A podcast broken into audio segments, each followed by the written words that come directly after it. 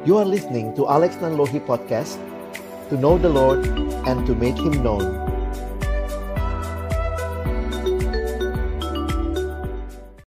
Bahkan sebagian besar dari kita tidak bergereja secara fisik Tapi saya percaya kita semua bergereja secara online.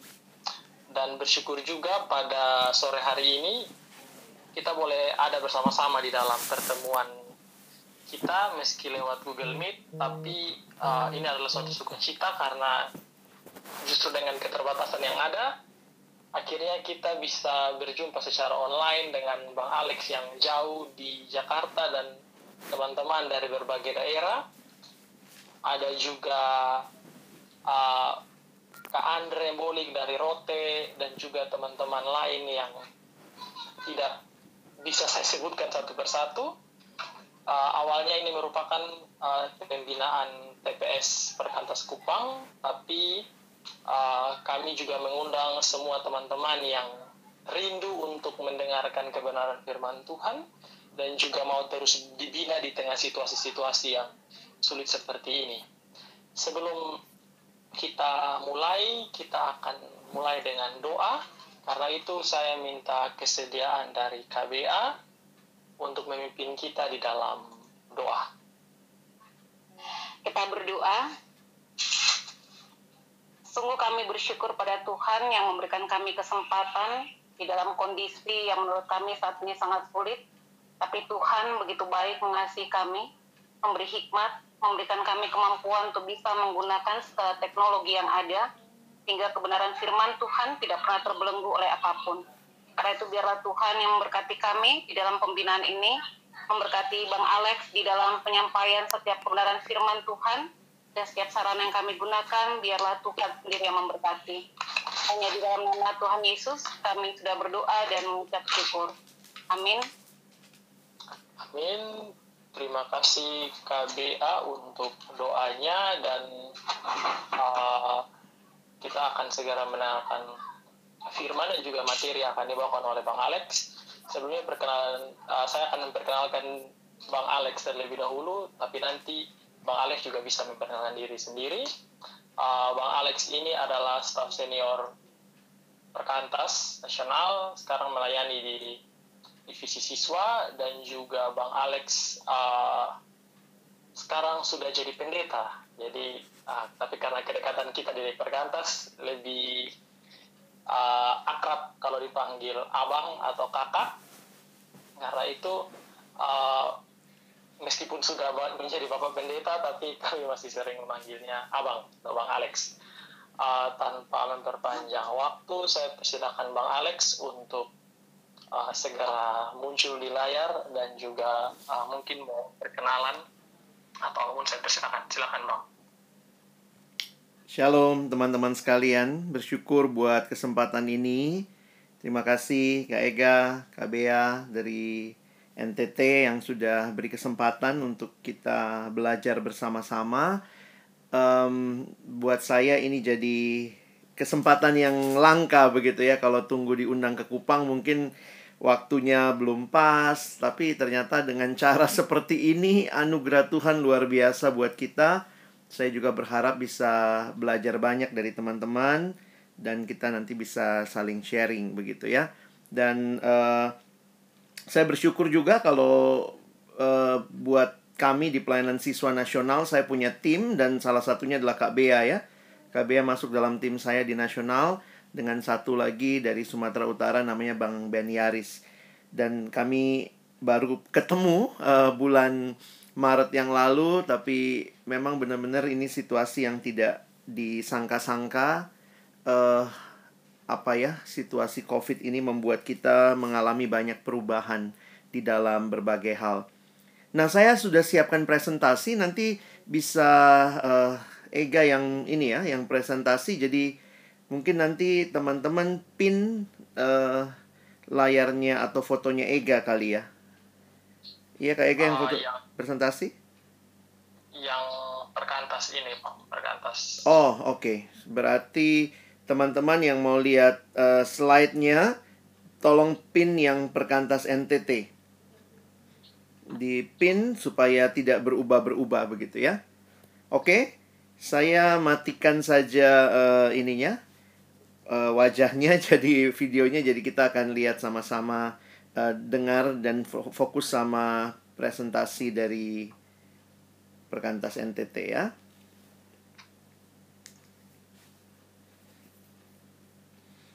Mohon teman-teman yang lain jangan ikut mempresentasikan, jadi lihat saja yang ada di layar ya. Oke, nanti kalau saya bilang next, baru di next kita berdoa sebelum kita membaca merenungkan firman Tuhan. Bapa di dalam surga kami bersyukur, berterima kasih untuk anugerahmu yang sungguh nyata bagi kami.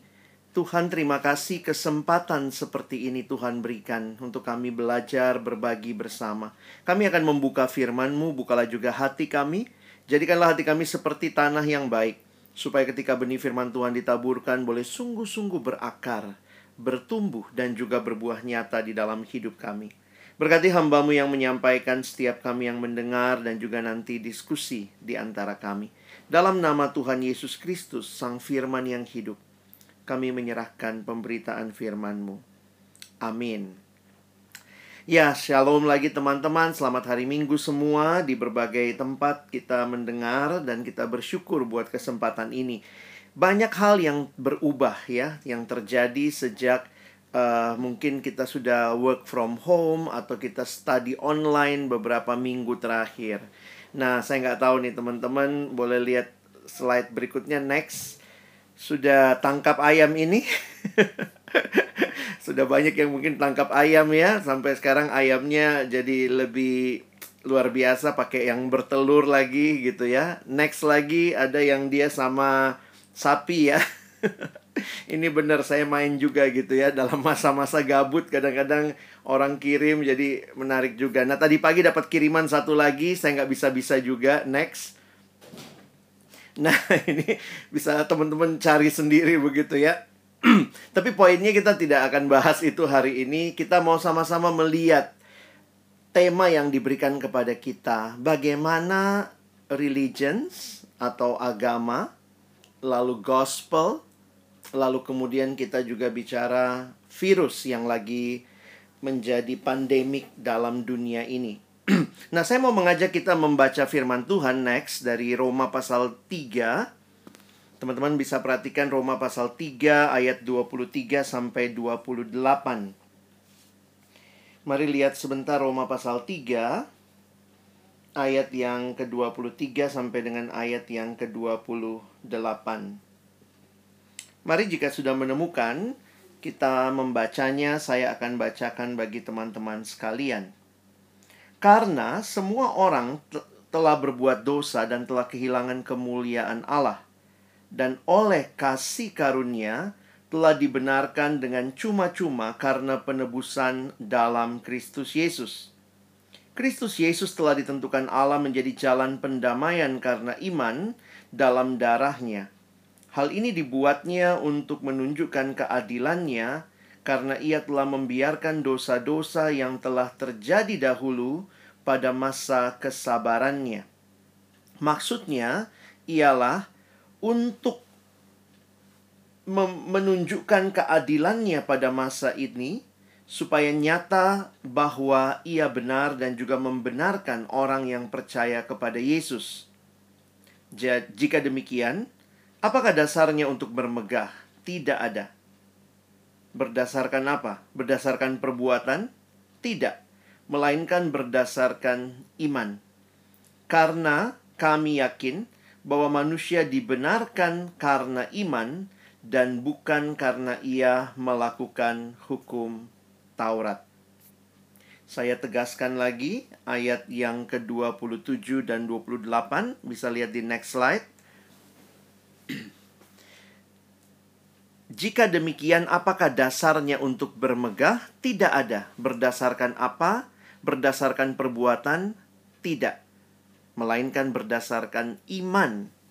Karena kami yakin bahwa manusia dibenarkan karena iman dan bukan karena ia melakukan hukum Taurat. Teman-teman yang dikasihi Tuhan, saya mau mengajak kita mendasari perenungan kita dari ayat ini ketika Paulus bicara setelah dia mengatakan berita duka cita terbesar di dalam dunia Apa itu berita duka cita terbesar? Roma 3 ayat 23. Ini pandemik yang sesungguhnya. Memang betul kita tahu corona ini luar biasa, mengerikan, cepat menyebar, mematikan. Tetapi tidak semua orang kena corona. Ada yang tetap sehat, ada yang tidak kena, ada yang sembuh. Tetapi kalau kita bicara pandemik dosa, Roma 3 ayat 23, maka dikatakan semua orang tanpa kecuali telah berbuat dosa dan telah kehilangan kemuliaan Allah. Dan kita tahu bahwa Kristuslah jawaban. Kalau kita lagi tunggu-tunggu vaksinasi sekarang untuk mengatasi corona, maka vaksinasi atas dosa hanya ada di dalam Kristus. Inilah Injil, inilah berita sukacita. Karena itu, di dalam beberapa perenungan, banyak penafsir Alkitab maupun teolog yang mengatakan kekristenan bukan agama. Christianity is not about is not only about religion, but Christianity is relationship with God. Kekristenan itu adalah relasi dengan Tuhan. Karena itu ini yang saya mau ajak kita bedakan ya kita akan bicara kekristenan bukan sebagai agama dalam arti bentuk, tetapi kekristenan adalah sebuah relasi yang hidup dengan Tuhan, dan ini yang sangat membedakan agama Kristen, kekristenan, dengan semua agama yang lain. Nah, coba lihat next slide. Karena itu, teman-teman, waktu nanti kita akan melihat religion, kalau saya pakai istilah religion, itu berarti semua agama lain ya, di luar Kristen. Tetapi waktu bicara gospel, saya bicara tentang kekristenan. Jadi kita coba lihat perbedaannya karena memang realitanya sangat berbeda antara kekristenan dan agama. Injil dengan agama pada umumnya. Nah, mari kita lihat dulu apa itu Injil. Ya, what is the gospel next? Teman-teman bisa lihat what is the gospel. Kalau kita ditanya apa itu gospel, maka kita akan mengatakan gospel itu adalah berita sukacita. Kita bilang berita baik. Nah, kata Injil sendiri ternyata diambil juga dari tradisi atau bahasa Yunani waktu itu yang berurat akar di dalam kebiasaan orang Romawi pada waktu itu. Next. Nah, ini memang dalam bahasa Inggris, tapi teman-teman saya coba terjemahkan bahwa yang namanya Injil itu adalah berita sukacita. Jadi pada waktu itu di kerajaan Roma, kalau ada proklamasi Injil, itu biasanya begini. Misalnya ada prajurit uh, Roma yang lagi pergi berperang, mereka berperang di perbatasan begitu atau mungkin di negara lain gitu ya. Lalu kemudian mereka menang. Nah, waktu mereka menang, maka ada orang yang datang bawa kabar kemenangan itu. Jadi, teman-teman bisa bayangkan ada orang yang datang bawa kabar kemenangan itu, orang itu lari dan akan memberitakan bahwa, "Why, kita menang. Kita menang." Jadi, Injil itu adalah berita yang baik, berita yang baik untuk dipercaya, untuk di uh, diterima begitu ya. Jadi beritanya adalah kita menang, kita menang. Yang membawa berita itu disebut penginjil begitu ya. Nah, kekristenan meminjam istilah ini bahwa Injil adalah berita baik yang dibawa oleh pemberita Injil mau menyatakan tentang sesuatu kabar yang baik. Nah, teman-teman lihat, kita tadi bicara, next ya, ini good news. Maka apa good newsnya? Ketika manusia semuanya sudah jatuh ke dalam dosa, maka ada berita baiknya bahwa Allah menyelamatkan manusia dari dosa. Karena itu kalau kita perhatikan kekristenan bicara Injil, fokusnya kepada Kristus. Jadi fokus kekristenan ketika bicara Injil adalah Kristus sendiri. Yang adalah berita baiknya Bayangkan dunia begitu rupa dalam dosa lalu ada yang menyelesaikan dosa itu. Itulah Sang Kristus berita baiknya, berita sukacitanya. Nah, karena itu ada definisi yang diberikan. Next ya. Kalau kita ditanya, lalu Injil itu apa definisinya? Berita sukacita bahwa Allah melalui kematian dan kebangkitan Kristus membaharui manusia berdosa dan seluruh ciptaan untuk diperdamaikan dengan Allah, untuk dapat hidup bersama Allah dalam langit yang baru dan bumi yang baru. Jadi teman-teman bisa perhatikan ya, inilah yang disampaikan bahwa Kristus yang telah memperdamaikan manusia dengan Allah dan juga seluruh alam semesta ini di dalam karya penebusan Kristus. Nah, teman-teman, ini yang namanya berita. Ya. Berita itu beda sama nasihat. Nah, bisa bedain ya. Berita itu beda sama nasihat. Nah, coba lihat next slide ya. Apa bedanya nasihat sama berita? Bedanya, Injil itu adalah berita sukacita, good news, bukan nasihat sukacita. Kalau nasihat sukacita namanya good advice. Injil bukanlah good advice, tapi Injil adalah good news. Saya kutip kalimat pembahasan dalam bukunya seorang bernama Dr. Martin Lloyd Jones dia menjelaskan keunikan Injil di tengah-tengah agama-agama. Nah, Dr. Lloyd Jones mengatakan semua agama hanya memberitakan good advice.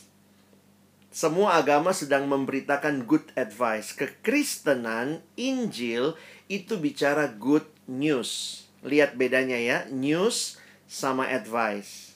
Kita mulai dulu dari apa itu nasihat. Next.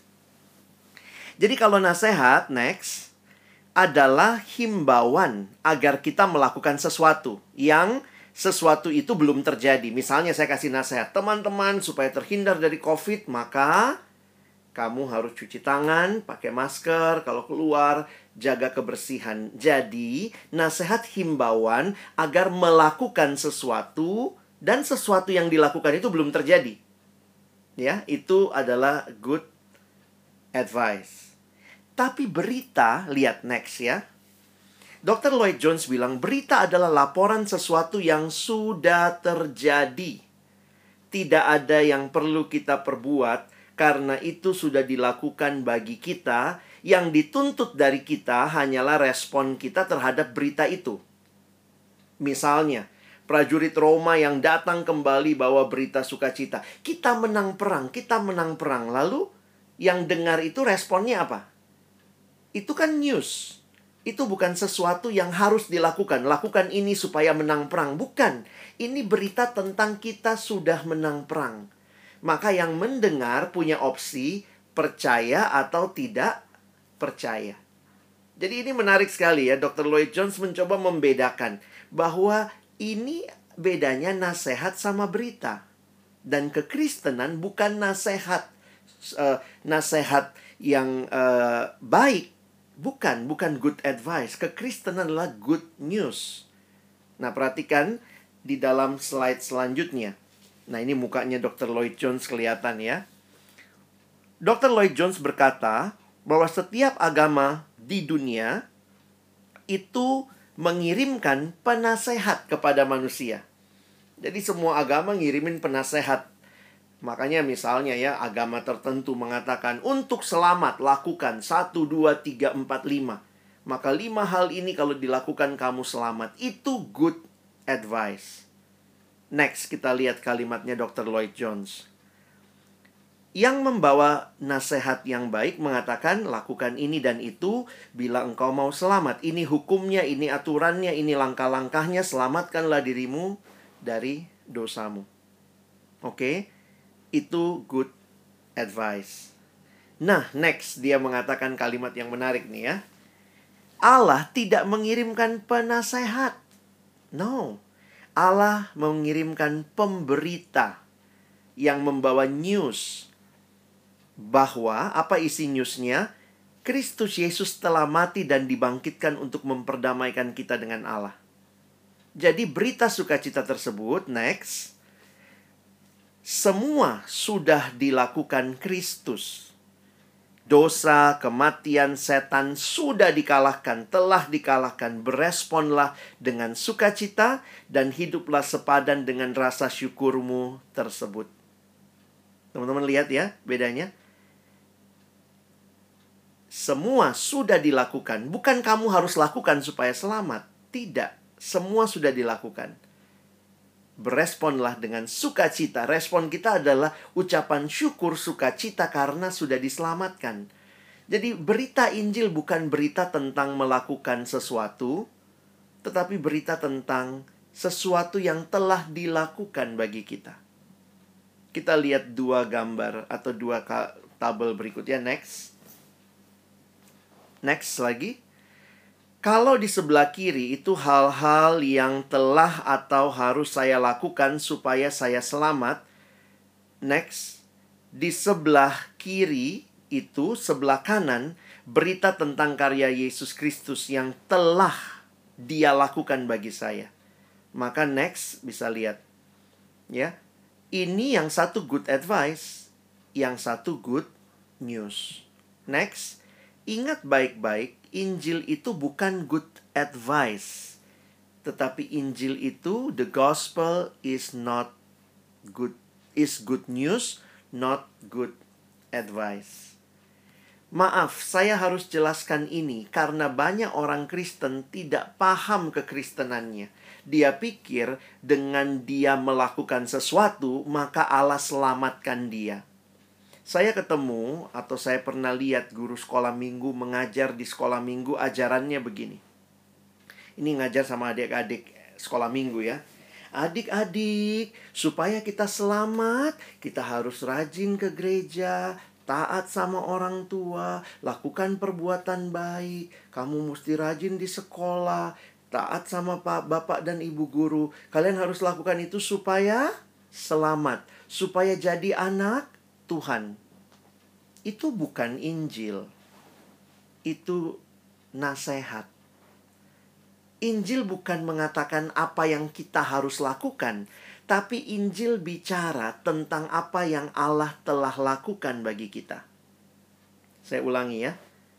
Injil Injil itu tidak bicara apa yang harus saya lakukan, itu good advice. Injil bicara apa yang Yesus telah lakukan. Nah, makanya teman-teman lihat beda sekali. Kekristenan beda dengan semua agama yang lain. Next, kita lihat. Saya menuliskannya begini. Next lagi. Agama itu manusia mencari Allah. Makanya dia harus lakukan ini, lakukan itu supaya dia mencapai Allah. Namun, next, bisa dua kali next ya. Injil Allah mencari manusia. Beda nggak? Oh beda banget.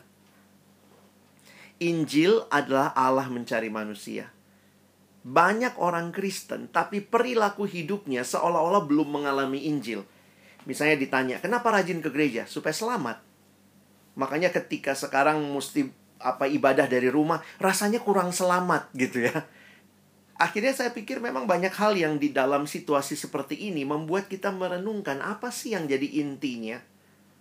Jangan-jangan kita sibuk sama beragama, berritual, yang tentunya ritual itu baik. Jangan semua bilang bahwa ritualnya nggak baik. Tetapi kalau ritual dilakukan tanpa mengerti apa esensinya, maka ritual akan menjadi ritualistik.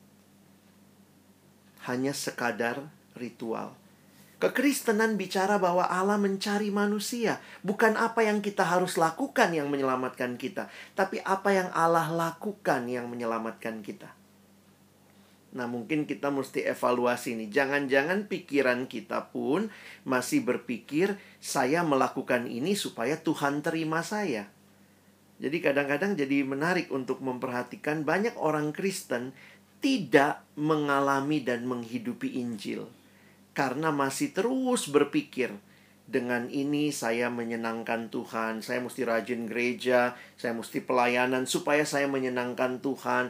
Jadi kita melihatnya Tuhan ini kayak dewa yang mau terus disayang-sayang, disembah-sembah. Kita lupa bahwa sebenarnya kekristenan bicara apa yang Yesus sudah lakukan di kayu salib buat kita.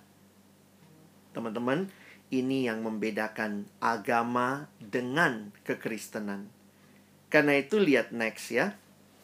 Ini kalau dalam bahasa Inggris saya coba ulang-ulang aja biar teman-teman lebih familiar dengan konsep ini. Jadi apa bedanya agama dengan Injil? Agama adalah tentang do, lakukan ini, lakukan itu. Injil adalah tentang dan. Sudah selesai, sudah selesai. Jadi teman-teman bisa paham ya? Kalau ada hal lain di dalam hidup yang membuat kita merasa kalau saya lakukan itu baru saya selamat, berarti kita belum percaya bahwa sungguh-sungguh hanya Yesus yang bisa menyelamatkan kita. Saya ulangi.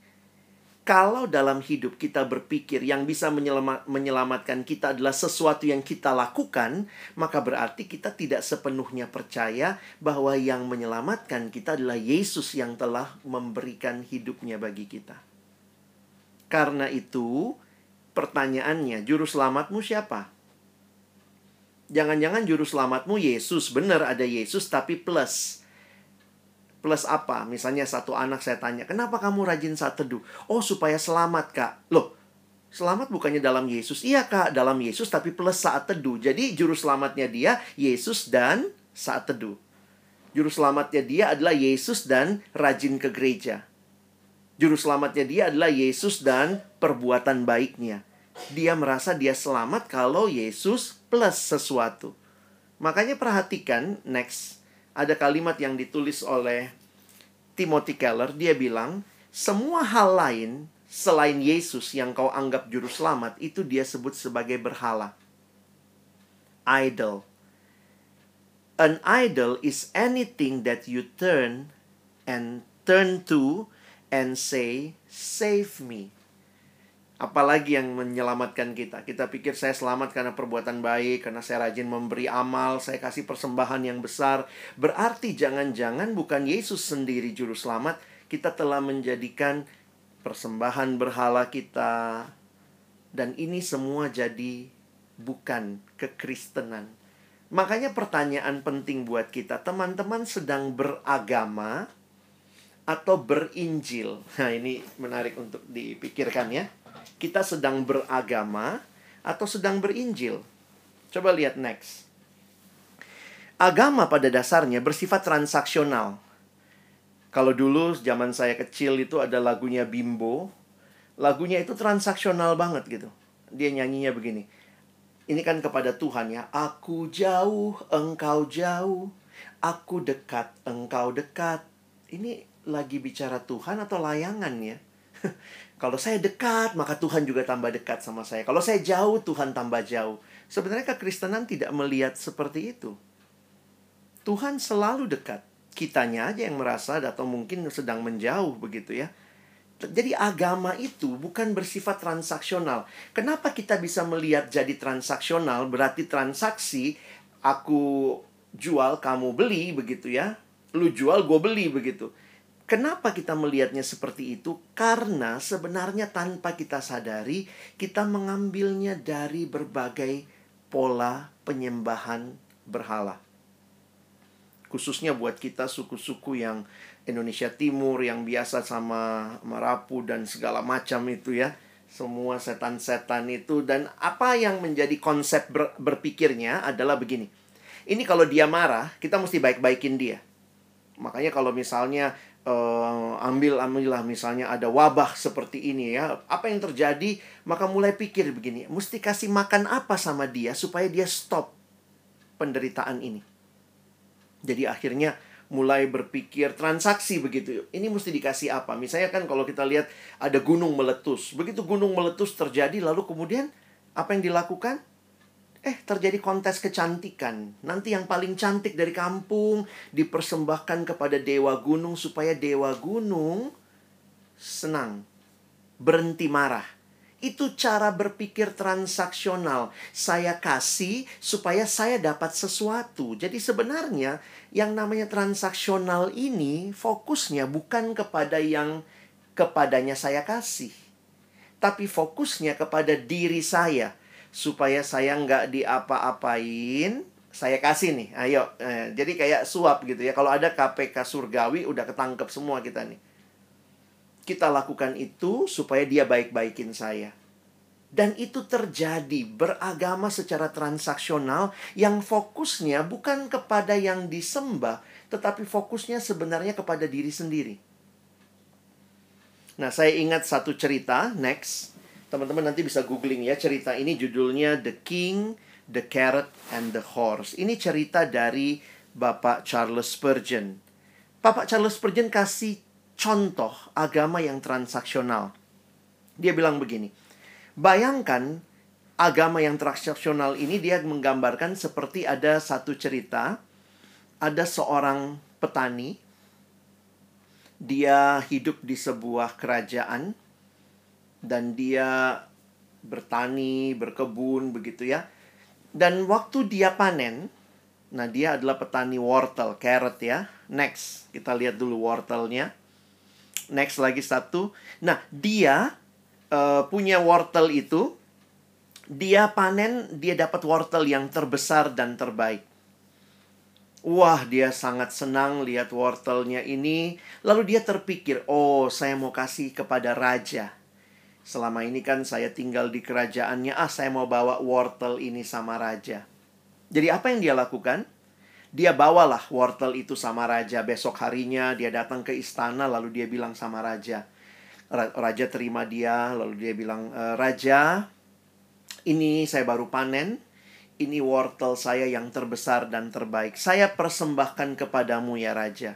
Mohon diterima." Wow, raja dikasih wortel juga seneng ya.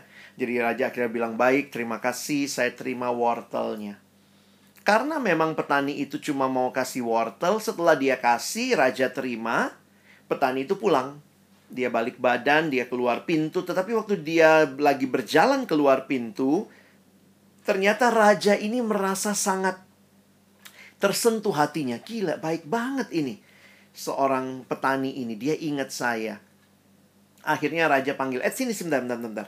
Begini, saya sangat terkesan dengan ketulusan hatimu. Jadi begini ya, ini saya kasih sama kamu sepertiga kebun istana. Oh bener Raja, iya. Saya kasih kamu sepertiga kebun istana, silahkan kau pakailah dengan baik untuk mengusahakan segala hal, teruslah jadi berkat. Wih, dia senang sekali. Dia senang sekali, dia keluar dari istana dengan muka tersenyum, dia keluar dan waktu dia sampai di luar dia ketemu temannya. Wih, temannya tanya, kok gembira sekali habis dari mana? Dari istana. Loh, terus kenapa gembira? Habis ketemu raja katanya, dia bilang. Ngapain kamu ketemu raja? Tadi saya lagi bawa wortel sama raja. Jadi raja terima, saya kasih wortel sama raja. Loh, terus kenapa gembira sekali? Oh iya, tadi waktu habis saya kasih wortel, raja kasih sama saya sepertiga kebun istana. Wah, senang banget dia waktu dengar ini. Temennya kemudian pikir, wow, kasih wortel dapat sepertiga kebun istana. Ah, akhirnya orang ini pulang pulang ke rumahnya dia bukan petani tapi dia peternak wah dia peternak dia kemudian lihat ah dia coba lihat ternaknya dia punya kuda yang terbaik ya ini mungkin dari Sumba punya kuda ini ya dia lihat ini kuda yang terbesar dan terbaik lalu kemudian dia ambil kuda ini dan besoknya dia datang dia bawa sama raja juga dia datang minta ketemu raja raja terima dia lalu dia bilang sama raja ya raja inilah kuda saya yang terbesar dan terbaik. Saya persembahkan kepada raja. Terimalah ya raja, kuda yang terbesar dan terbaik ini. Begitu dia dapat kuda itu, raja terima kuda, ya raja bilang baik, terima kasih, saya terima kudanya. Terus orang ini tetap tinggal berdiri nunggu, kok raja nggak ngomong apa-apa lagi. Terus raja bilang, kenapa? Kau datang kasih kuda kan? Ya sudah, terima kasih. Ya silakan pulang. Dia tunggu, dia lihat raja begini. Eh, raja mulai ingat. Oh, kau berharap seperti temanmu kemarin ya? Kemarin, temanmu datang mempersembahkan kepada saya wortel. Hari ini, kau datang mempersembahkan kuda dan kau berharap terima seperti yang temanmu dapat kemarin. Lalu kemudian raja bilang ini kalimat kuncinya ilustrasi ini. Petani itu kemarin datang mempersembahkan wortel itu untuk saya. Tapi hari ini Kau datang mempersembahkan kuda itu bukan untuk saya. Kau sedang mempersembahkan kuda itu untuk dirimu sendiri. Next, teman-teman lihat kalau dalam bahasa Inggris ini kalimat kuncinya. The gardener gave me the carrot, but you gave yourself the horse. Jadi sebenarnya peternak ini datang mempersembahkan kuda untuk siapa? Bukan untuk sang raja. Dia cuma senang kepada berkatnya sang raja. Bukan sang rajanya yang dia senang. Dan ini keagamaan yang transaksional. Teman-teman hati-hati. Kenapa ke gereja? Kalau mau ujian gereja penuh. Kenapa? Iya, supaya ini kalau mau ujian PNS nanti supaya Tuhan eh, berkati saya. Keagamaan kita transaksional sekali itu bukan ber, berinjil, itu beragama. Jadi kita datang kayak kasih kayak kita pikir Tuhan kayak marapu begitu ya. Kita kasih supaya dia suka sama saya, dia senang sama saya, dia berkati saya. Jadi sebenarnya kita bukan sungguh-sungguh menyembah Tuhan, kita sedang menyembah diri kita sendiri. Karena itu teman-teman, ini jadi pergumulan penting di dalam banyak kekristenan. Banyak gereja sudah tidak menghidupi Injil tetapi sedang menghidupi keagamaan yang transaksional dan self-centered. Sibuk sama dirinya sendiri. Karena selalu berpikir, saya dapat apa lagi dari Tuhan? Saya dapat apa lagi dari Tuhan? Jadi kita ke gereja kayak perampok. Dan kalau kita nggak dapat dari Tuhan, kita bisa marah. Kita bilang Tuhan, saya sudah kasih persembahan sama Tuhan, saya sudah kasih semua. Kenapa saya nggak dapat apa-apa? Kita marah. Karena memang sebenarnya kita mempersembahkan itu bukan buat Tuhan. Tapi kita persembahkan itu supaya kita bebas tidak kena tidak kena hukuman tidak kena bala tidak kena penderitaan. Jadi sebenarnya kita bukannya mengasihi Tuhan. Kita sangat mengasihi diri kita sendiri. Teman-teman kenapa saya bahas secara panjang bagian ini? Karena kacamata Injil harusnya kita pakai melihat seluruh keberadaan hidup kita. Bayangkan, kalau kita punya keagamaan yang transaksional, kalau kita punya keagamaan yang transaksional, oh maaf, yang untuk uh, materi nanti bisa lihat dulu Pak di slide, nanti sesudah selesai baru bisa dibagikan ya. Jadi buat yang uh, ini bisa klik perkantas NTT, slide-nya akan muncul di situ. Jadi ini bicara keagamaan yang seperti apa? Kekristenan bukan bicara apa yang harus kita lakukan, bahkan Tuhan kita bukan Tuhan yang harus di disogok-sogok supaya dia mengasihi kita. Makanya di dalam beragama next beragama seperti itu selalu muncul dua hal. Yang pertama, next itu beragama dengan rasa bersalah. Jadi bayangkan ya, agama-agama itu selalu didorong oleh atau motivasi utamanya selalu dua. Rasa bersalah bisa di satu sisi rasa bersalah atau di sisi lain next adalah ketakutan fear. Nah, coba nanti teman-teman bisa pelajari. Ini konsepnya memang mesti kita dengar berulang-ulang supaya kita familiar dan juga kita bisa terapkan dalam hidup. Coba kita pikir-pikir, terakhir kita datang ketemu Tuhan, memang mau ketemu Tuhan, mau mempersembahkan kepada Tuhan, atau jangan-jangan kita berpikirnya juga terbalik gitu. Kenapa? Kita berpikirnya begini, rasa bersalah. Rasa bersalah begini ya, ini sorry nih ya, kita kan kadang-kadang transaksional. Kalau malamnya lagi bikin dosa, ini kan lagi banyak di rumah, atau malamnya nonton film porno lah, besok saat teduh lebih lama. Kenapa saat teduh lebih lama? Kesannya kayak tutup dosa yang tadi malam. Itu keagamaan yang transaksional. Kita beragama keluar dari rasa takut, rasa mau eh, kita mau nyogok Tuhan. Tuhan, saya sudah ini tadi ini pagi sudah satu dua, dua ayat loh, apa dua pasal loh Tuhan. Jadi ini pasti tutup dosa tadi malam.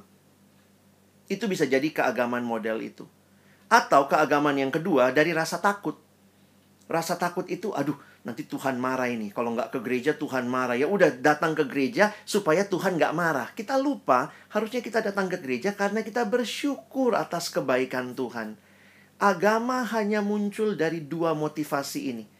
Entah dari perasaan bersalah, tutup-tutupin dosa, atau dari ketakutan. Nah ini teman saya Bapak Senjaya bikin slide ya. Coba lihat next saya suka lihat Kak Ega punya slide uh, apa suka ambil dari api ya. uh, sorry, mungkin tulisannya terlalu kecil, tapi dia bilang orang beragama. Yang pertama, jadi kalau kita punya konsep begini, Yesus sudah mati bagi dosamu, apa yang kau bisa berikan baginya untuk membalas cintanya. Kalau kita bicara membalas-balas, sebenarnya hati-hati. Bukannya nggak boleh kita membalas cintanya, tapi jangan-jangan itu keluar dari next. Transaksional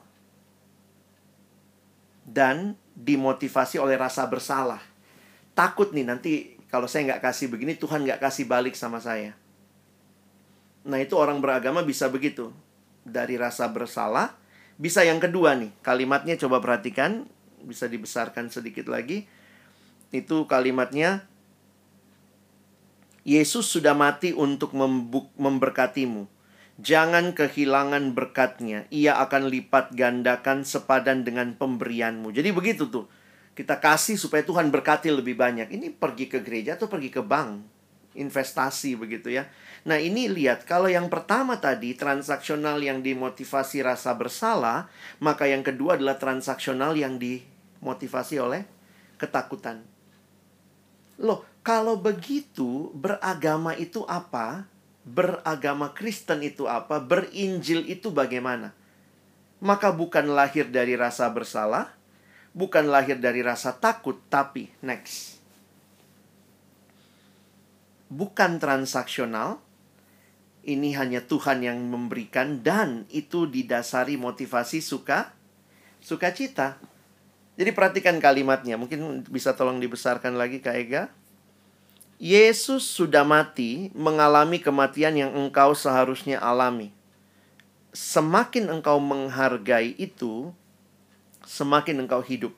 Tidak lagi untuk dirimu sendiri, tetapi untuk Yesus. Ini bukan transaksional. Tuhan gak bilang, oke okay, sekarang bagianmu balas saya. Karena tidak ada satupun yang bisa membalas kebaikan Tuhan. Jadi yang kita lakukan semua itu harusnya didasari dari ucapan syukur, sukacita, bukan ketakutan.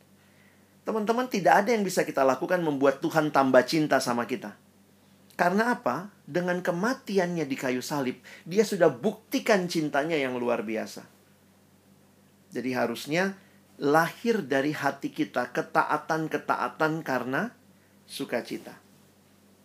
Nah, saya akan tutup dengan aplikasinya. Bagaimana kenapa sih kita perlu punya kacamata seperti ini? Next.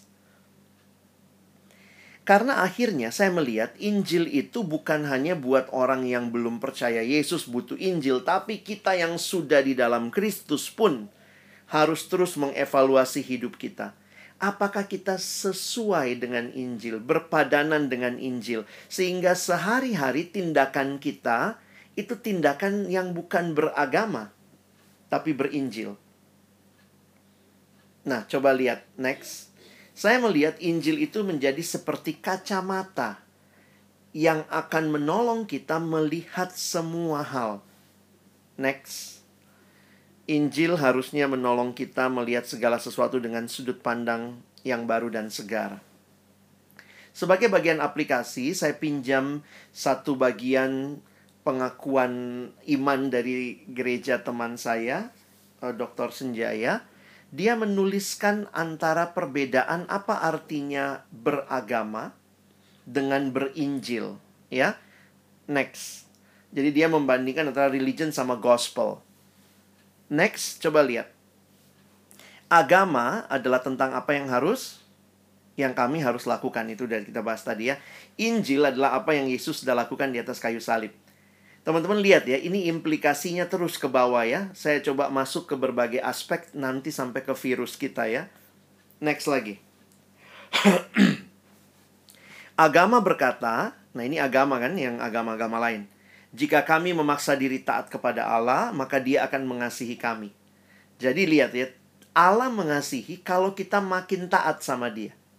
Kalau kita taat, kita makin dikasihi Allah. Sementara kekristenan berkata, justru karena Allah telah mengasihi kami, kami dengan sukarela dan sukacita taat kepada Allah. Ketaatan yang lahir dari kita tahu nih, wow, betapa luar biasanya cinta Tuhan buat diriku ya. Yang kedua, yang berikutnya, next. agama berkata lakukan ini dan lakukan itu maka engkau akan mendapat perkenanan Allah. Jadi sebenarnya Allah belum berkenan. Agama selalu melihat Allah tuh pada posisi Allah itu harus dibujuk-bujuk. Allah itu kalau kita bujuknya bagus, upetinya baik, sogokannya luar biasa, Tuhan jadi sayang sama kita. Injil berkata, engkau tidak akan pernah mampu memperkenan Allah. Nggak bisa, kita manusia berdosa. Mau perbuatan terbaik kita pun, kata Alkitab, seperti kain kotor. Tapi kenapa Tuhan terima kita? Karena Yesus sudah melakukannya di kayu salib. Sehingga karena Yesus mati bagi kita, maka setiap kita yang percaya kepadanya, perkenanan Allah turun atas kita. Nah, coba perhatikan beragama model apa kita, ya. Next.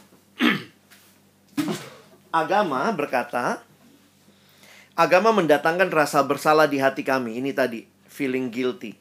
Karena semakin keras kami berusaha memenuhi tuntutan, Allah, semakin kami merasa nggak mampu. Coba, siapa yang memang bisa mem memperkenankan Allah? Jadi selalu agama itu pertanyaannya begini, Tuhan sudah terima nggak ya? Tuhan sudah sayang nggak sih sama aku? Tuhan sudah sayang nggak ya sama saya? Selalu begitu. Kayaknya saya mesti saat teduh lagi, eh, satu teduh satu hari tiga kali deh, biar Tuhan tambah sayang sama saya. Selalu didasari pada perasaan takut, perasaan bersalah, Tuhan belum cukup sayang sama saya, atau yang saya lakukan belum cukup membuat dia sayang sama saya. Kenapa? Karena semua tentang saya lakukan. Apa yang harus saya lakukan? Injil, nah beda banget. Mendatangkan rasa syukur di hati kami. Karena kehidupan, kematian, dan kebangkitan Kristus memampukan kami untuk memenuhi tuntutan Allah. Bukan kita yang bisa memenuhi tuntutan Allah. Tapi Kristus yang mati itulah yang membuat Allah meredakan murkanya. Jadi, waktu kita percaya pada Kristus, kita menerima perkenanan Allah. Kita menerima sukacita yang dari Tuhan. Ya, jadi itu yang perlu. Nah, sekarang kita lihat next. Sekarang sikap terhadap keselamatan. Agama membuat kami terus bimbang karena kan semua tergantung yang kita lakukan. Hari ini lakukan bagus ya di selamat, besok nggak selamat karena lagi bikin yang jelek. Jadi agama selalu membuat kami terus bimbang dengan keselamatan jiwa kami karena kami tidak pernah tahu apakah perbuatan kami sudah cukup untuk memperkenan Allah. Ini kalau kita hidup begitu, nah, tiap hari jadi kayak ketakutan. Tuhan sudah sayang sama saya nggak ya? Tuhan sudah sayang sama saya nggak? Ini sama kayak kamu tinggal di rumah sama orang tua, tapi terus pikir begitu. Kayaknya papa mama kurang sayang deh sama saya. Saya mesti lakukan ini lagi biar dia tambah sayang begitu ya. Sementara Injil membuat kita yakin bahwa keselamatan jiwa kami tidak bersandar pada perbuatan kami, tapi pada karya Kristus di kayu salib bagi kami. Satu kali untuk selamanya. Jadi terhadap keselamatan, jadi lihat ya, kacamata Injil melihat keselamatan teguh pasti. Next. Kacamata Injil melihat diri sendiri. Bagaimana kita mem memandang diri sendiri? Agama akan membuat kita jadi sombong. Karena kalau kita rasa, ah saya sudah cukup memperkenan Allah, lihat saya sudah kasih persembahan banyak. Kita jadi sombong. Sebab kami lebih bermoral, lebih saleh dibanding orang lain. Atau di sisi lain, kalau lagi tidak bisa melakukan yang baik, maka kita merasa putus asa. Sebab kami masih jauh dari standarnya Allah. Injil selalu membuat kita rendah hati. Apa yang kita ingat? Saya nggak lebih baik dari orang itu. Kenapa Tuhan selamatkan saya? Sebab karena dosa kami begitu jahat, sampai Yesus harus mati bagi kami dan bersuka cita sebab Yesus rela mati bagi kami. Lihat sikapnya, agama, sombong, atau putus asa. Injil, rendah hati, dan suka cita. Kalau ini ber, apa kekristenan kita beda banget. Jadi coba lihat next slide. Penerimaan diri kita di hadapan Allah tidak dimulai dari usaha kita sendiri atau penilaian atau penilaian kita, orang lain terhadap kita. Tetapi penerimaan kita dimulai dari Allah yang menerima kita. Ya. Jadi itu yang teman-teman bisa hayati. Next. Bagaimana sekarang kacamata Injil menolong kita dalam sikap terhadap orang lain. Nah, perhatikan ya. Kalau kita beragama, selalu kita bilang ini, saya orang baik, itu orang lebih jahat. Nah, itu ya. Jadi agama berkata bahwa dunia dipenuhi dengan orang baik dan orang jahat. Tapi Injil akan berkata bahwa dunia dipenuhi oleh orang jahat yang belum bertobat dan orang jahat yang sudah bertobat. Jadi kita akan selalu rendah hati karena kita sadar bukan kita yang bisa membawa keselamatan itu. Saya ini tidak lebih baik dari orang lain. Jadi sikap terhadap orang lain kalau kita betul-betul berinjil, kita rendah hati, nggak sombong-sombongan gitu ya. Saya dong saat teduh tiga kali, kamu baru sekali saat teduh. Nggak gitu ya. Nah, ini bagian terakhir setelah kalian dapat gambarannya. Next. Teman-teman bagaimana melihat coronavirus ini? Saya juga sadar tidak mudah. Ini juga pergumulan yang panjang ya. Saya juga coba baca beberapa hal, dengar beberapa khotbah Bagaimana orang Kristen yang berinjil melihat hal ini? Next. Saya kutip kalimat ini. Bagaimana sikap kita terhadap penderitaan? Toh realitanya ini kan penderitaan. Agama melihat penderitaan hidup sebagai hukuman dari Allah. Kenapa pemahaman kayak begini penting? Karena lihat, nanti dari pemahaman itu muncul solusinya. Misalnya, kalau kita lihat ini hukuman Allah, maka kita akan melakukan gimana caranya supaya kita nggak dihukum. Itu kan begitu selalu caranya. Karena kita merasa kita lagi dihukum Allah, ya bagaimana supaya nggak dihukum? Kita mau baik-baikin. Tuhan mau apa lagi nih? Apalagi yang belum kita kasih. Kayaknya nih apa nih? Kita dihukum dan segala macam. Bukannya nggak ada hukuman, tapi cara lihatnya yang mesti berbeda. Sekarang Injil. Injil melihat penderitaan hidup. Jadi lihat ya kalimatnya ya Injil melihat penderitaan hidup sebagai bagian dari proses pembentukan karakter agar serupa dengan Yesus yang pernah juga menderita bagi kami. Kalau teman-teman dan saya mengalami penderitaan saat ini, ingatlah Yesus pun juga pernah dan sudah melalui jalan penderitaan. Nah, next ayatnya teman-teman bisa lihat di Roma 5 bukan hanya itu saja kita malah bermegah juga dalam kesengsaraan kita. Bayangkan kenapa Paulus bisa bilang bermegah dalam kesengsaraan? Karena kacamatanya Injil. Dia tidak melihat kacamatanya kacamata agama. Kalau agama dia bilang ini hukuman Tuhan, tapi dia lihat ini kacamata Injil. Jadi dia lagi belajar Tuhan dalam kesengsaraan ini akan menimbulkan ketekunan, ketekunan menimbulkan tahan uji, tahan uji menimbulkan pengharapan, pengharapan tidak mengecewakan. Dan itulah yang dia nikmati melalui karya Roh Kudus dalam hati.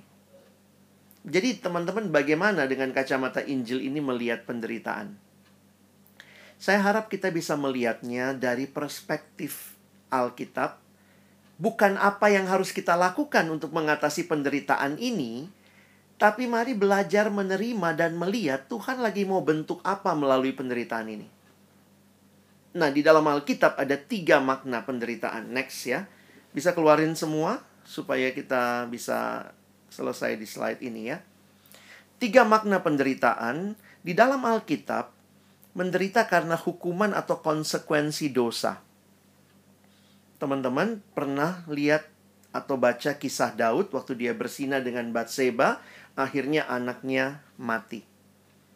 Itu menderita karena hukuman atau konsekuensi dosa.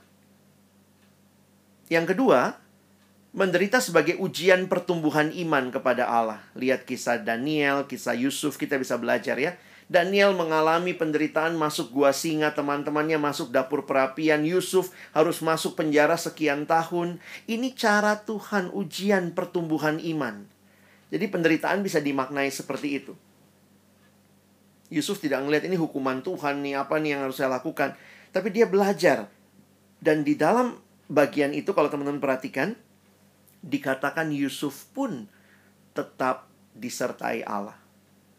Nah, yang ketiga, nah ini yang lebih menarik sebenarnya adalah contoh penderitaan Ayub. Karena penderitaan Ayub sebenarnya adalah supaya Ayub makin menikmati mendapatkan Allah demi Allah sendiri. Karena beda ya. Ayub bilang, saya nggak berdosa, saya nggak bikin salah apa-apa.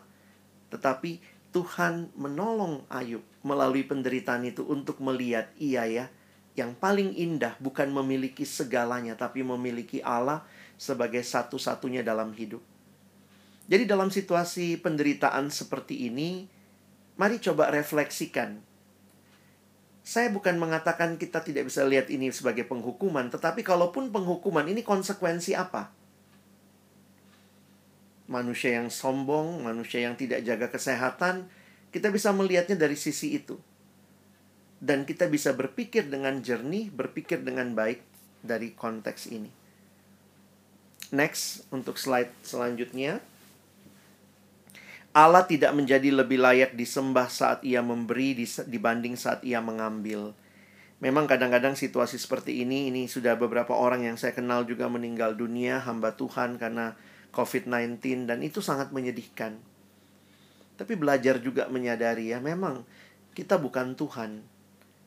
Kalau kita memuji Tuhan atas hal-hal yang Dia beri, waktu dia mengambil pun sebenarnya nggak ada nggak ada hal lain yang bisa kita katakan seperti selain seperti Ayub Tuhan yang memberi Tuhan yang mengambil terpujilah Tuhan. Dalam situasi pandemik seperti ini next slide sebenarnya makin jelas apa sih yang menjadi idol kita. Ini kalimat dari Christian Tirta. Teman saya dia mengatakan bagi pengikut Kristus makin jelas dalam situasi ini siapa yang jadi Tuhan kita.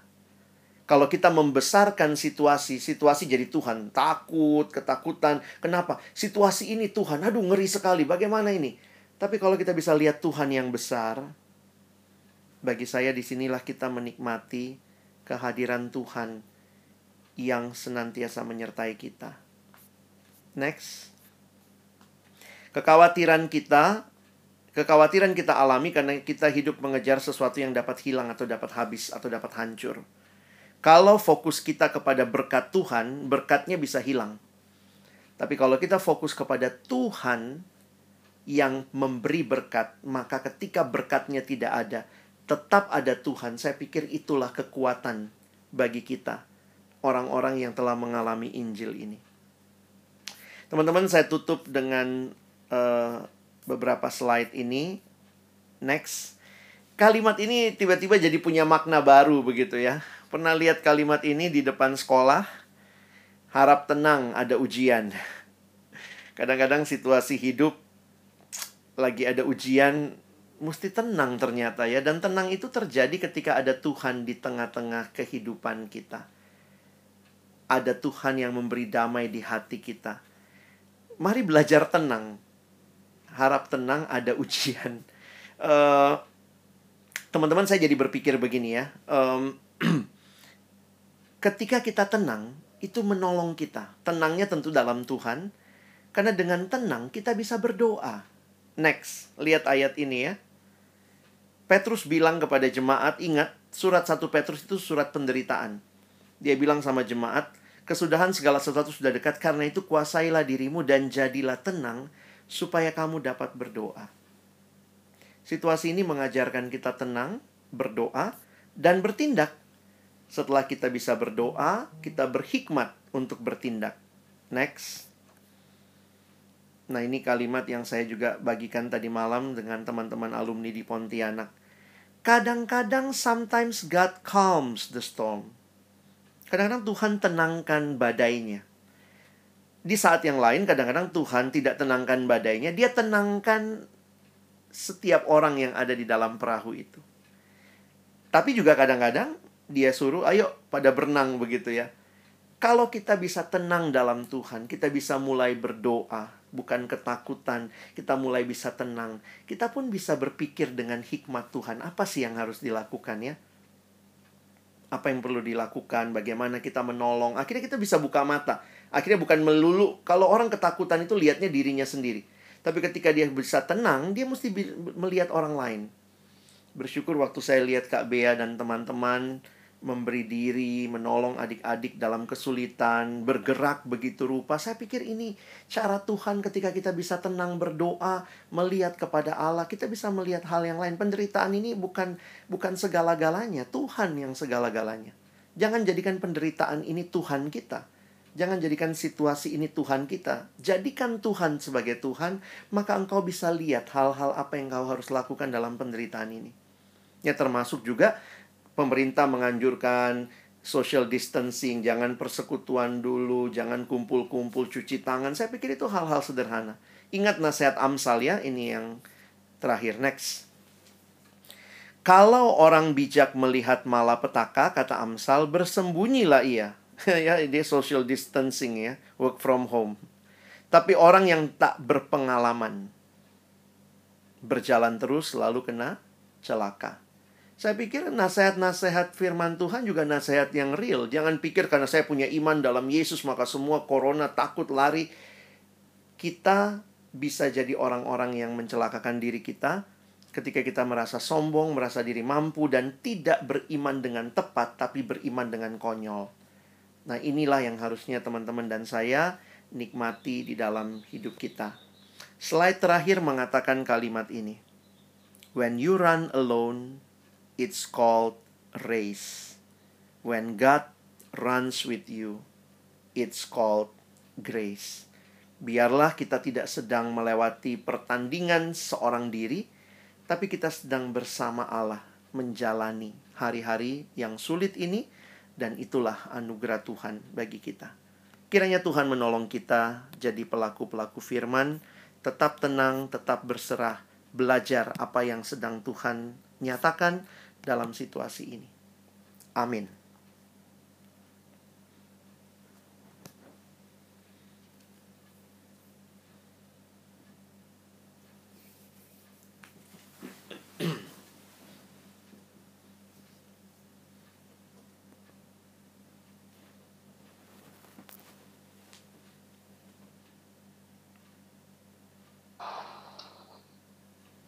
Oke, uh, terima kasih Bang Alex sudah memberkati kita dengan uh, firman dan juga materi yang begitu luar biasa. Uh, semoga teman-teman yang uh, kita semua di sini ada 70-an orang di sini uh, bisa mendengar dengan jelas dan uh, kita semua bisa uh, diberkati oleh firman Tuhan yang telah beritakan. Nah teman-teman, uh, ada banyak hal, uh, berharap teman-teman juga tadi sudah mencatat jika ada hal-hal yang ingin ditanyakan untuk membuat uh, materi kita pada sore ini hingga malam ini, meskipun sekarang sudah hujan di Kupang, teman-teman uh, bisa uh, bersama-sama dengan uh, kita untuk uh, bertanya masuk dalam sesi tanya atau ada hal-hal yang ingin didiskusikan terkait dengan uh, Injil dan juga uh, agama dan juga virus yang pandemi yang sedang kita hadapi di dunia saat ini. Nah, jadi bagi teman-teman yang ingin bertanya, teman-teman bisa mengaktifkan mic atau dan bertanya langsung atau teman-teman juga bisa uh, bertanya lewat uh, chat yang ada. Ada banyak uh, uh, teman-teman di sini baik mahasiswa, siswa dan juga alumni baik yang di Kupang, di daerah-daerah lain di NTT maupun yang di luar NTT juga ada bersama-sama dengan uh, kita di sini. Karena itu teman-teman yang ingin bertanya saya persilahkan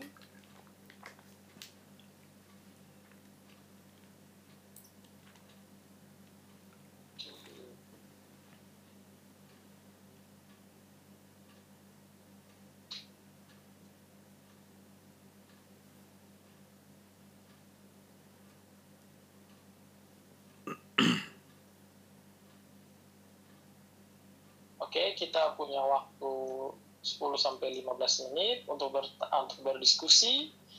Teman-teman bisa bertanya dan uh, kalau belum ada uh, mungkin saya duluan. Uh, uh, nah ini Bang Alex kan di sini juga ada banyak mahasiswa dan juga para siswa yang ada di uh, tempat di uh, pertemuan kita sore ini uh, uh, saya tertarik mengenai uh, uh, masalah bagaimana agama melihat uh, relasi dengan Tuhan itu sebagai relasi yang transaksional. Nah, uh, uh, tidak bisa dipungkiri kalau uh, di kalangan siswa mahasiswa mengikut Tuhan itu juga merupakan salah satu motivasi yang cukup uh, merupakan salah satu hal yang uh, bisa dijadikan sebagai jimat ya supaya dapat prestasi yang baik, karir yang baik. Nah ini uh, sekalipun orang Kristen, orang yang sudah percaya Injil, tapi kadang-kadang masih terjebak di dalam pemahaman-pemahaman seperti ini. Uh, meskipun uh, ini sesuatu yang kalau dari penjelasan abang tadi uh, ini bukan sebuah cara pandang Injil dengan contoh yang ada tadi, tapi kan prestasi dan juga karir di dalam uh, kehidupan itu kan penting juga khususnya apalagi kalau misalnya mau jadi berkat kan itu merupakan modal yang baik bagi orang-orang uh, Kristen baik itu siswa mahasiswa maupun juga para alumni yang sedang mencari kerja. Nah, bagaimana uh, tips agar kita terus peka dan tidak terjebak di dalam pemikiran ini karena saya rasa kita begitu berwa, eh, begitu cepat untuk switch off dari mode Injil jadi mode agama, mode religi.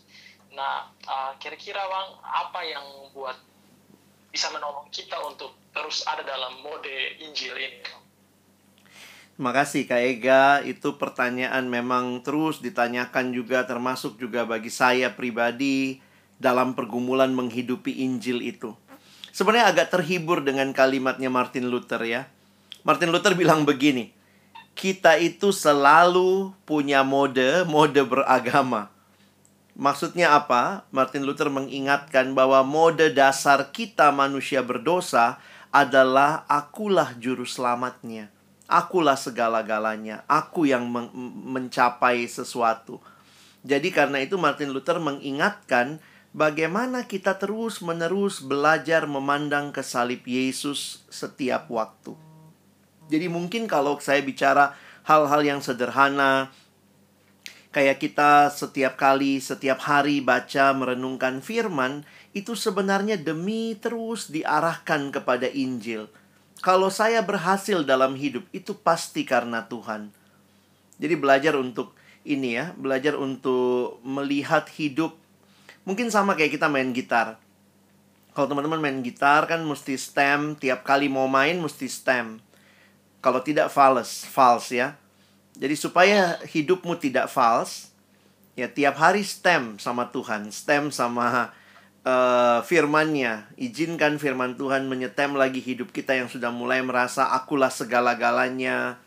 Kadang-kadang kita gampang sekali mencuri kemuliaan Tuhan dengan sharing yang seolah-olah Tuhan padahal kita sedang mau membanggakan diri kita. Dan itu saya pikir uh, terus mesti diingatkan atau Tuhan mengingatkan kita melalui firman, melalui komunitas, dan ini bukan hal yang baru sebenarnya, tapi juga menjadi satu hal yang terus dibaharui hari demi hari. Jadi saya pikir uh, itu pergumulan kita semua untuk tidak lupa Tuhan, karena memang kata Martin Luther kita selalu mode utamanya lupa Tuhan, ya, selalu muliakan diri. Saya sampai belajar waktu itu dari satu dari uh, hamba Tuhan waktu itu dari Pak Mangapul Sagala dia bilang kita mesti belajar terima pujian jadi orang menerima pujian juga dengan uh, kacamata Injil itu bisa belajar dengan benar. Misalnya kalau habis MC bagus tadi MC-nya terus orang bilang, "Wih, kau bagus tadi MC-nya ya, puji Tuhan gitu ya." Kadang-kadang kita tidak kita malah bilangnya itu ya, "Oh, oh itu bukan saya tadi, bukan saya. Itu Tuhan." Hati-hati ya. Itu kan kalimat yang kayak itu bukan saya, itu bukan saya, itu Tuhan. Maksudnya kalau kalau tadi bagus, kalau tadi jelek, uh, itu bukan saya, Tuhan juga gitu ya. Jadi sebenarnya bagaimana caranya menerima pujian yang rendah hati tapi memuliakan Tuhan? Maka kita harus berani berkata, kalau tadi saya berhasil, puji Tuhan. Itu pasti karena anugerah Tuhan. Kalau saya gagal, maka saya evaluasi diri. Kadang-kadang sekarang kalau pelayanan terbalik. Kalau kita gagal pelayanan, kita bilang, apa rencana Tuhan? Kalau kita berhasil, oh iya, saya kerja keras, saya luar biasa. Puji diri, haleluya. Jadi kadang-kadang dari situ pun kita mesti belajar bagaimana terus dalam Injil ini menolong kita tidak lupa diri. Oh iya bang, jadi memang uh, jadi kembali tadi abang soal singgung soal motivasi saat teduh itu alangkah baiknya ketika kita dari Injil itu motivasi saat teduhnya itu untuk menolong kita agar tetap dalam mode Injil ini terus. Ya, iya betul. Tapi memang itu perjalanan ya Kak Ega ya, maksudnya ya. Ya balik lagi kadang kita lupa Tuhan ingatkan lagi. Jadi memang perjalanan seumur hidup kenal Tuhan.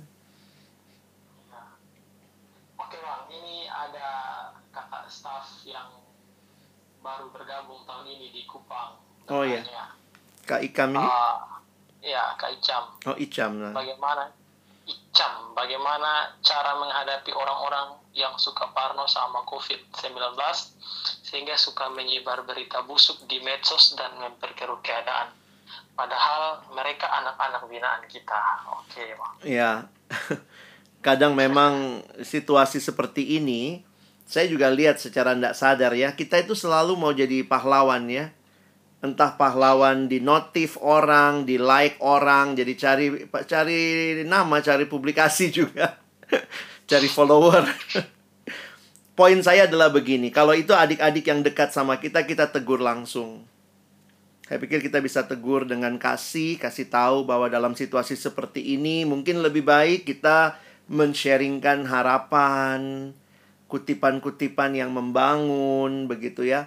Dan biarlah info-info resmi itu dapatnya dari pemerintah, dari pihak-pihak yang berwenang, LSM-LSM yang care. Jadi jangan ikut memperkeruh keadaan.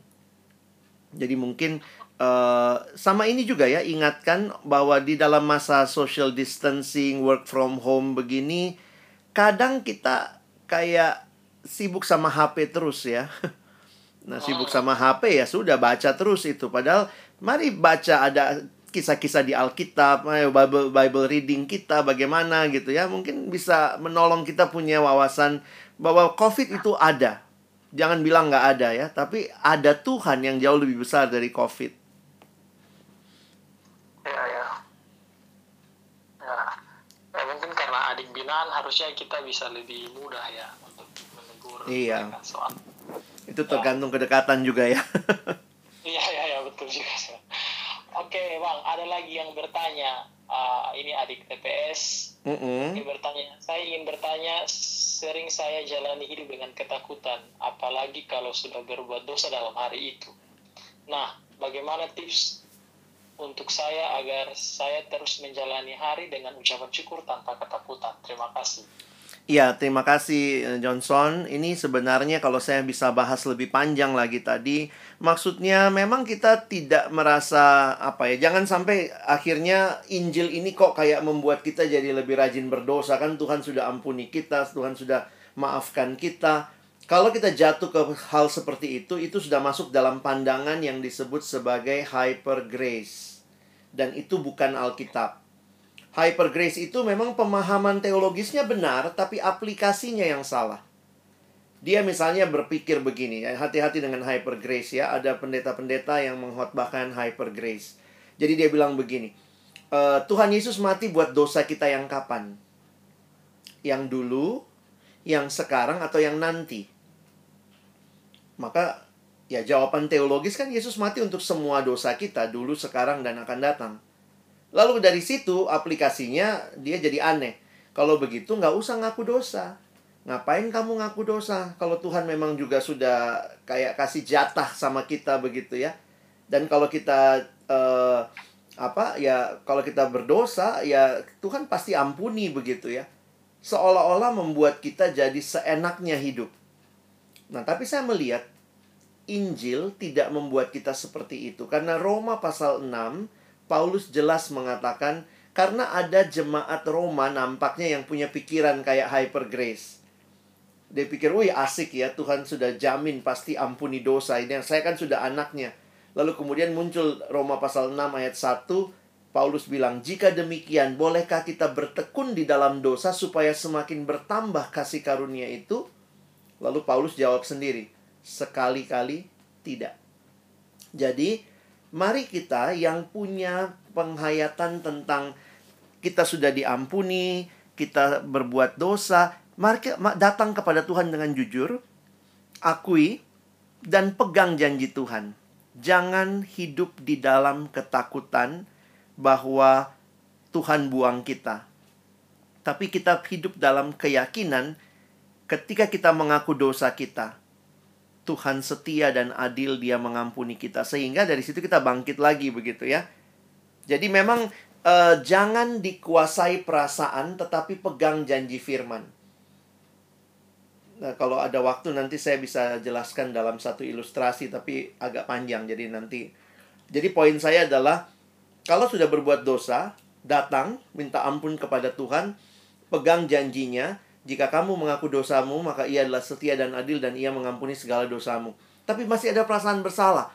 Oke, jalani, terus ingatkan dirimu. Jangan dikuasai perasaan, tapi dikuasai oleh penghayatan firman bahwa Tuhan sudah ampuni. Karena apa? Iblis biasanya mau mendakwa kita. Itu istilah yang dipakai di Alkitab. Iblis itu tukang menuntut kita. Ai, perasaan bersalah kan ah Tuhan sudah buang kau kau udah bukan anaknya. Sudahlah ngapain? Ngapain baik-baikin Tuhan? Ah sudah Tuhan nggak suka lagi sama kau. Begitu. Baru tadi malam bikin dosa nanti malam jatuh lagi pasti. Hati-hati dengan pikiran-pikiran perasaan seperti itu.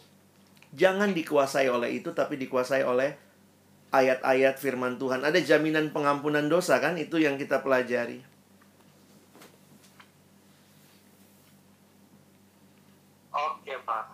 kasih untuk penjelasannya. Uh, eh, untuk Pak John, semoga cukup jelas. Saya juga cukup jelas. Ada istilah juga istilah baru hypergrace. Teman-teman bisa um, kalau mau tanya-tanya sharing dengan Bang Alex. Bang Alex ini orangnya sangat baik dan terbuka teman-teman silahkan follow Bang Alex di Instagram. Alex Nanlohi 74 ayat 74 Alexander 74 Bang Alex ini juga aktif buat podcast.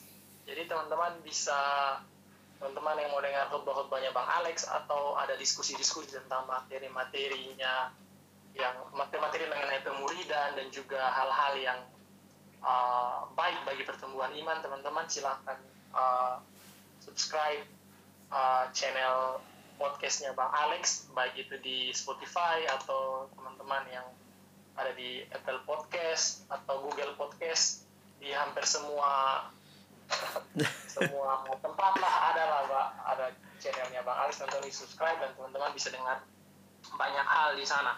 Kalau teman-teman yang ingin bertanya juga boleh. juga, boleh WA uh, pribadi. lewat DM di Instagram teman-teman bisa follow dan teman-teman bisa bertanya Nah, uh, Bang Alex, uh, masih ada lagi teman-teman yang ingin bertanya. Kalau belum ada, saya juga ingin mendiskusikan sedikit, Bang, mengenai tentang apa? Uh, penderitaan tadi, mm -mm. cara pandang dia terhadap penderitaan.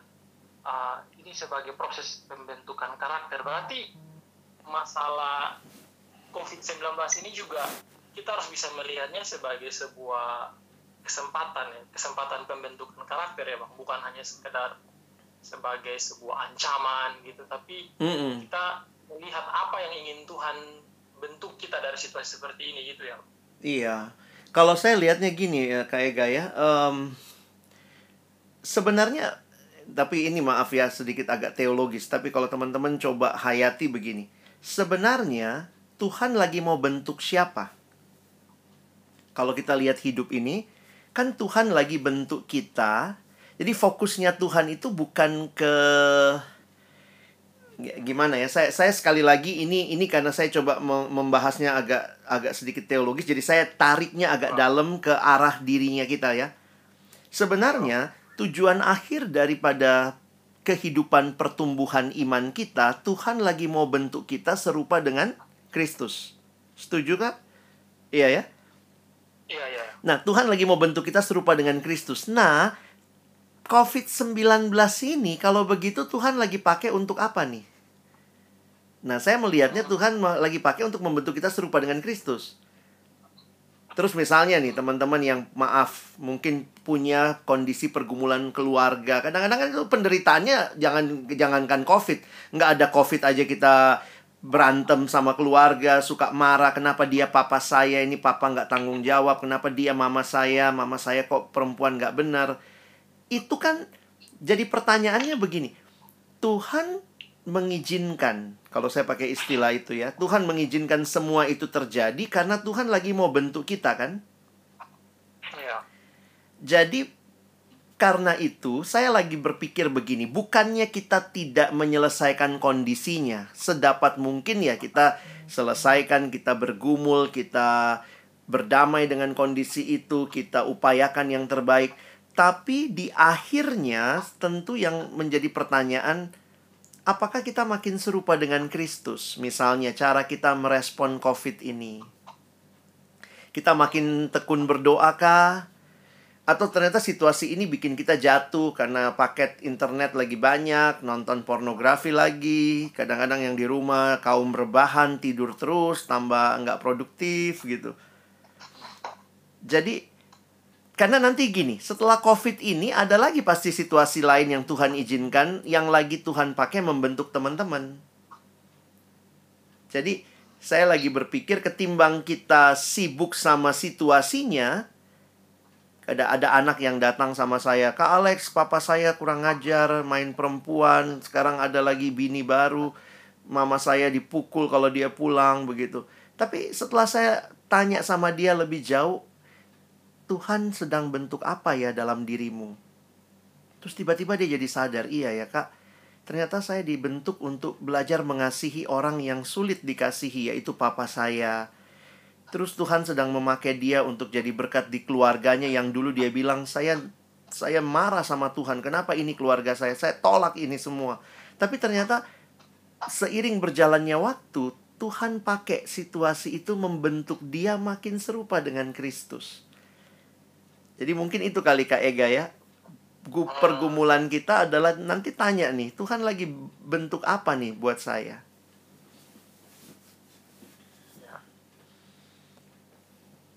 Oke bang, makasih bang. Uh, masih seru tapi karena waktu kita sudah Iya, kamu jam. sudah setengah tujuh di sana. Nanti mau sholat lagi. ada yang aduh masih ada satu. Ada adik siswa yang bertanya. Oh ya, silakan ini Ade. terakhir, ini terakhir ya bang. Uh, Desi Kaho kak mau tanya dalam layanan meskipun sudah lama dalam pelayanan kadang masih ada fokus pada oh masih fokus pada diri sendiri dalam mengerjakan pelayanan. Seperti mau menunjukkan diri lebih utama daripada yang lain. Oh, ini untuk para pelayan.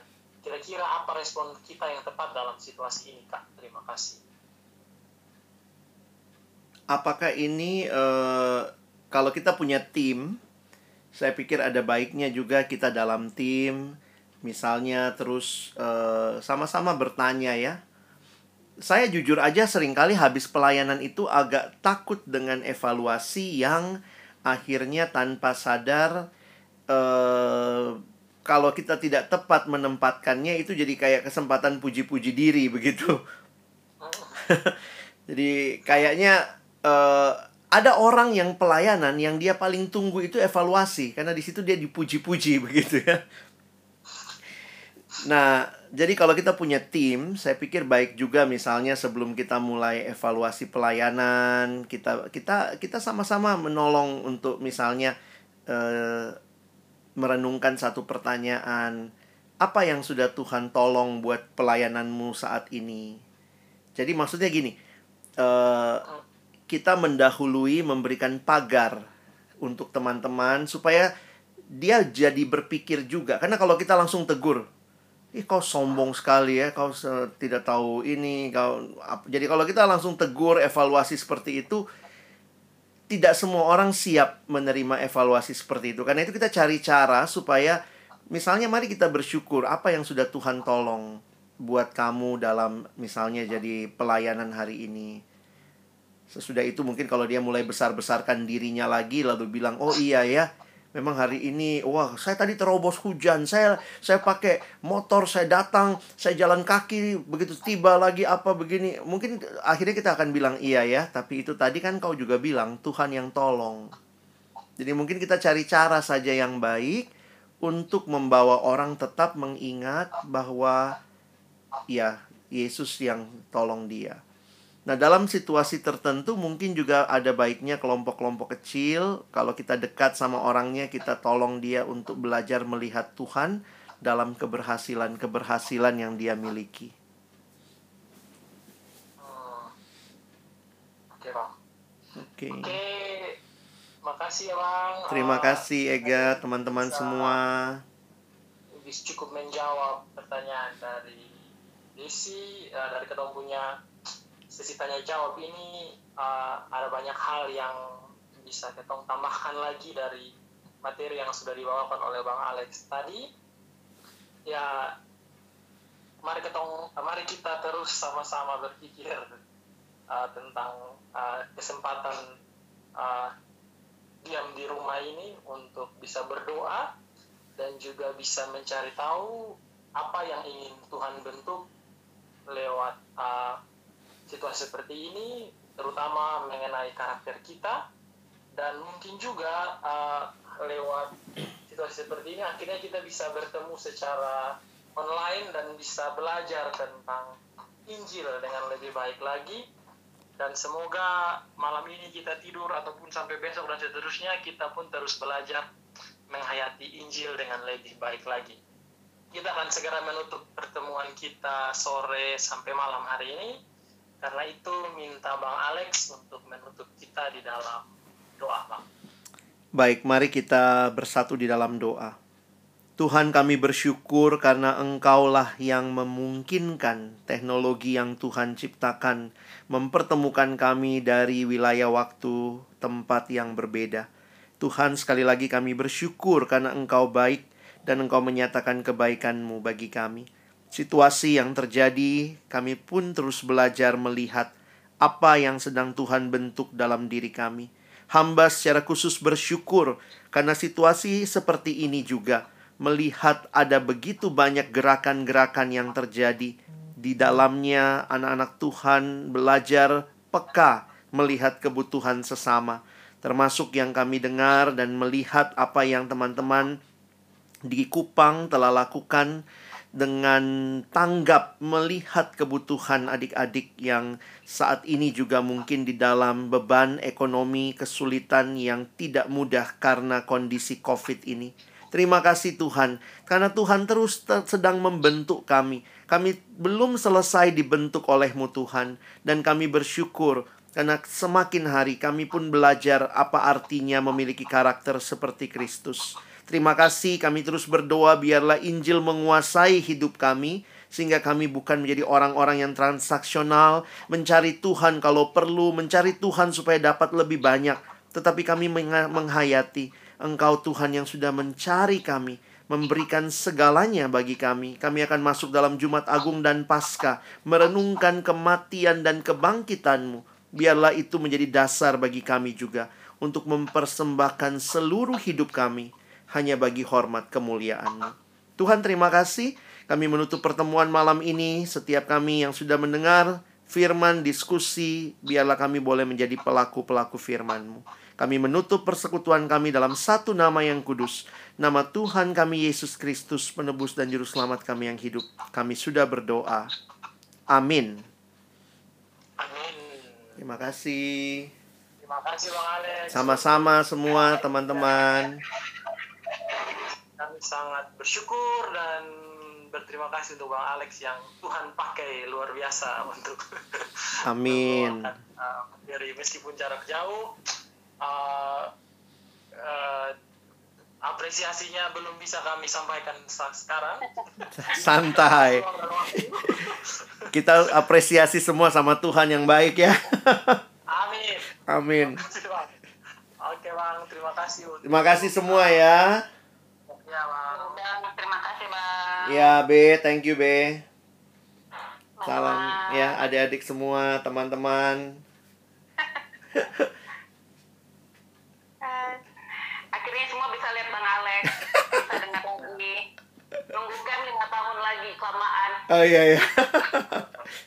Doakan tahun mau- tahun yang depan mau ini- KNPS tahun depan Iya. siap. Bang Alex lagi nanti. KNPS ya. Oke. Saya pamit duluan teman-teman ya. Silakan yang masih mau lanjut. Tuhan berkati. Ya. Dah. Kak Ega nanti rekamannya boleh di-share ya. Siap, Bang. Oke. Makasih semua. Ya. Dah.